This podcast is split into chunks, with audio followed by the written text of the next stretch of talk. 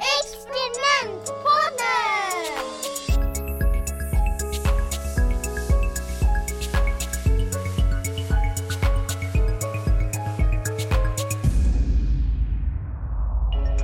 Välkomna till Experimentpodden, din källa till kunskap för att få små barn att brinna för naturvetenskap och teknik, både i och utanför skolan. Podden är producerad av Binosi och jag heter Carolina Kjellberg. I dagens avsnitt träffar jag Erika Charbonnel som är VD för Paradox Museum Stockholm. Hon berättar om hur de på museet skapar en wow-känsla hos människor från 6 års ålder till 100. Där får besökare utmana såväl sinnen som syn genom roliga och utbildande aktiviteter. Hej Erika och välkommen till Experimentpodden. Tack så mycket! Det är så roligt. Du arbetar ju på världens coolaste museum, tycker jag, som just har varit där. Det var roligt att höra. Ja, det är ett interaktivt upplevelsemuseum som heter Paradoxmuseum och har 70 olika paradoxer, illusioner och ja, lite så här mind games kan man kalla det för. Mm, och vi var där häromdagen och mina barn tyckte det var helt fantastiskt. Och vi ska prata lite mer om det här, men först ser jag jättenyfiken på att höra lite vem du är utöver din tjänst då som VD på Paradox Museum.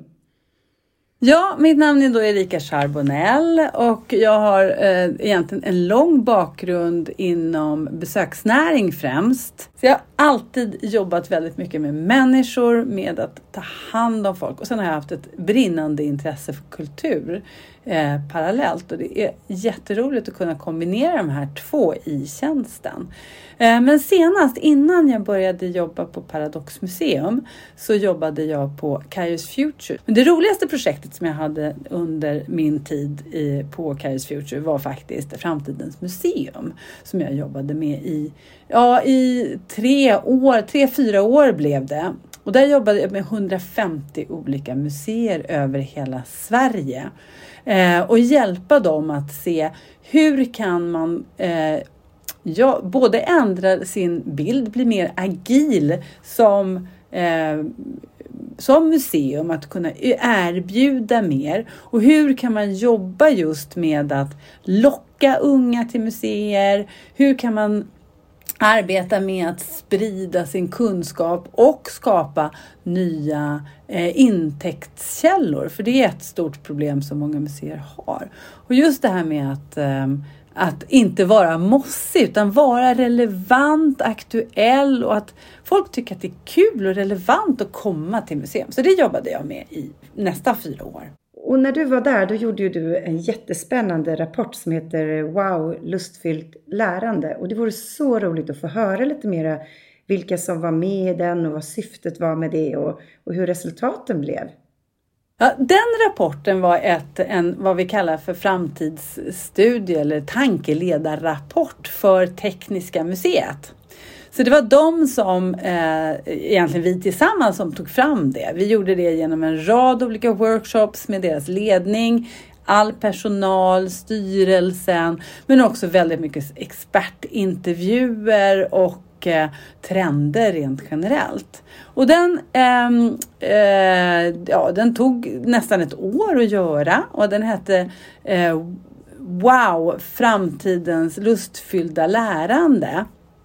Och den finns faktiskt eh, att ladda ner på Tekniskas och på Kairos Futures hemsida om man är intresserad utav eh, framtiden.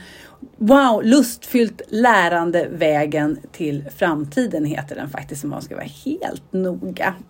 Eh, ja, och den, den handlar om just eh, egentligen edutainment.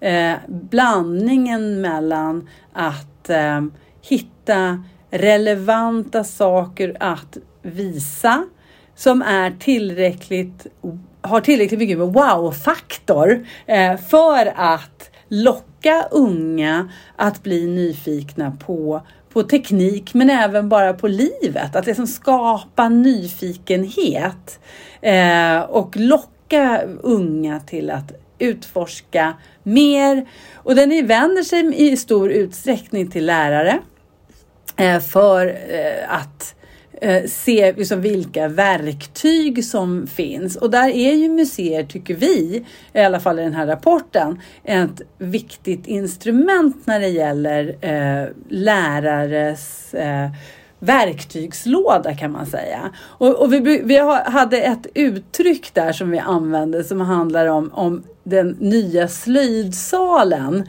Just att eh, det är idag, både med AI, med teknik, med allt det här, så blir liksom den nya, eh, det nya laboratoriet kan man säga ehm, annorlunda än vad det har varit förut. Och det är inte alla skolor eller pedagoger egentligen som, som har kompetensen att matcha det. Men det finns så många aktörer som man kan kroka arm med för att eh, ja, hitta intressanta och relevanta sätt att locka unga till att jobba på ett annat sätt. Det är ju ett sånt kraftfullt namn på rapporten, men då är jag lite nyfiken på att veta hur åstadkommer man den här wow-känslan hos barnen? ja, wow, det är ju vad vi kom fram till i den här rapporten, vägen till nyfikenhet och engagemang. Och det handlar just, wow handlar ju om de här sakerna som som ger lite mer än bara liksom, okej-känslor. utan att man ska bli skakad och rörd. Att man liksom ska eh, få den här känslan att man nästan lite tappar andan över att någonting är stort till exempel. Eh, ja, och hur gör man då för att väcka det här? Och många, det finns ju nyhets-wow Um, och det är oftast det som man förknippar med wow-känsla. Ah, någonting är häftigt, det är nytt, man uppvisar en ny teknik, någonting som är spektakulärt. Liksom, ja. Men det blir ju oftast ganska korta wow, för det, en, när du väl har sett det så har du ju sett det. Det är liksom inte Ehm, det, det, blir ett engångs-wow kan man säga. Men vad vi, försöker, vad vi försöker att betona i rapporten det är just de här eviga wowen. De här sakerna som faktiskt handlar om att att liksom på gång på gång skapa känslor. Som att titta på himlen, på stjärnorna. Jag menar varje gång jag tittar på stjärnorna så känner jag mig liten. Den här känslan av att vara en del utav någonting som är mycket, mycket, mycket större än en själv. Eller varje gång jag ser en solnedgång. Det är inte så, jag blir inte trött på solnedgångar. Det är inte så här som man bara, jaha, nu är det en solnedgång till. Kanske man kan ha ibland. Men, och vårsolen. Varenda år så kommer den här fantastiska känslan och man bara, det är så underbart. Att skapa den, att skapa de här sakerna. Och då har vi delat upp det i rapporten just på olika varianter, fyra olika varianter på det eviga wowet. Och den ena är då vad vi kallar för Newtons wow. Och den handlar ju om att förstå. Alltså greppa någonting som är svårt och komplicerat. Alltså den här, så här ja helt plötsligt så ser man hur, hur allting full, faller ihop. Liksom. Pusselbitarna faller på plats. Man får en känsla av djup förståelse. Och den är ju så häftig. Sen har vi vad vi kallar för Lovelace eh, wow. Och den handlar om just jag skapar. Att man får den här, jag har åstadkommit någonting med mitt eget huvud och min egen hjärna. Sen har vi den här Stendals wow som handlar om att jag imponeras. Någonting är vackert, häftigt, ojämförbart, unikt. Det var lite det jag pratade om i solnedgångarna. Och sen så den sista som är då DeGrasse Tysons Wow, jag häpnar. Och det är den här när man tittar på stjärnorna, liksom. när man förlorar sig själv i en storhet, i en oändlighet och tanken blir svindlande. Just den, de wowen, och de kan man skapa på det sättet genom att jobba med de här olika wow-möjligheterna. Eh, så från ett wow till ett annat så har ju du hamnat på Paradox Museum som är en eh, liten lokal full med jättemånga wow-upplevelser. Jag skulle jättegärna vilja höra lite mer om de där fina rummen där ni har. Ja, men vad roligt att du säger det, för det är ju precis det som vi vill åstadkomma. Det vi vill åstadkomma med Paradox Museum, det är ju att skapa en wow-känsla. Och det är, det är lite klurigt vårt museum. Det är inte sådär så att man kommer in och så är allting serverat, utan man måste titta undersöka, stänga ena ögat, klura lite på vad det är som vad man faktiskt ser.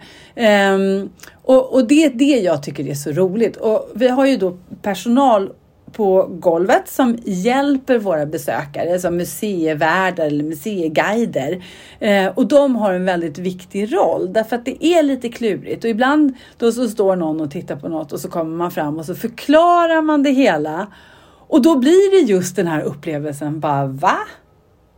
Jaha, wow! Och det är den vi vill skapa. Vi vill skapa den här wow-känslan där man bara, men hur funkar det där? Liksom, oj, jaha. Ja, och det är så himla roligt att få jobba med någonting som verkligen skapar wow-känslor och kallar till skratt och kallar till reflektion. Och det skapar ni ju så bra. Men kan inte du berätta lite om några av de här aktiviteterna så de som lyssnar förstår vad det är man gör? Mm. Ja, eh, vad man kan säga till exempel som ett av rummen som heter Ames Room. Det är ett perspektivrum.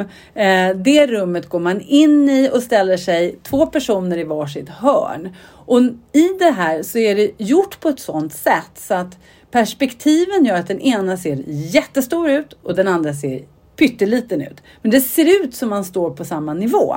Eh, och det här är ju sånt som man då ur ett pedagogiskt perspektiv eh, kan också förklara att det är så här man arbetar med perspektiv. Det är så här man jobbar i, inom filmindustrin till exempel. För att göra jätte och småfolk och, och älvor och sådana saker. Och när folk går in i det här rummet så är det verkligen liksom så här.